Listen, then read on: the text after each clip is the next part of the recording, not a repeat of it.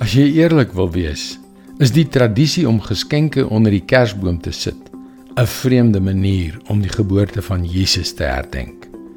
Regtig vreemd. Hallo, ek is Jockey Gouchee vir Bernie Diamond en welkom weer by Vars. Ons het dit almal gedoen, nie waar nie? Ons het ook al in die dae voor Kersfees rondgeskarrel om geskenke te koop. En dan was daar altyd sekere mense vir wie jy gesukkel het om die regte geskenk voort uit te kies.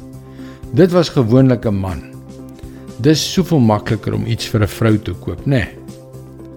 Hoekom dink ons nie daaraan om te vra hoekom ons dit doen nie? Waarom vier ons Kersfees deur die koop van geskenke waarop ons dikwels geld spandeer op dinge wat die mense vir wie ons dit koop nie nodig het nie? En waarvoor ons dikwels nie die geld het nie.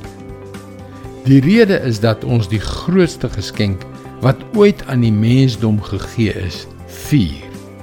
Jesus, die seun van God wat vir ons gegee is sodat ons kan lewe.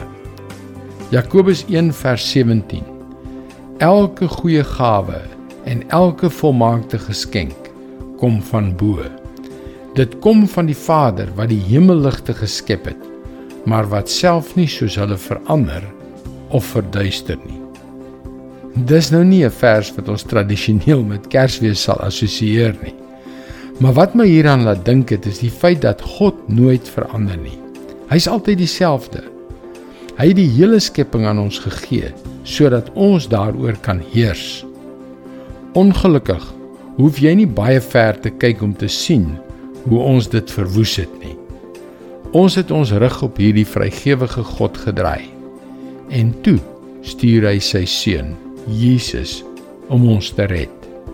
Die grootste geskenk wat ooit aan die mensdom gegee is.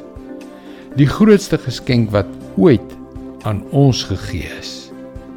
Dink aan Jesus wanneer jy die geskenke onder die boom oopmaak. Dit is God se woord vars vir jou vandag.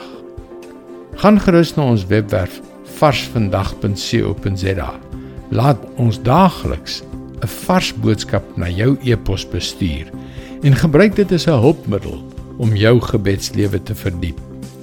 Luister weer môre na jou gunstelingstasie vir nog 'n boodskap van Bernie Diamond. Seënwense en mooi loop.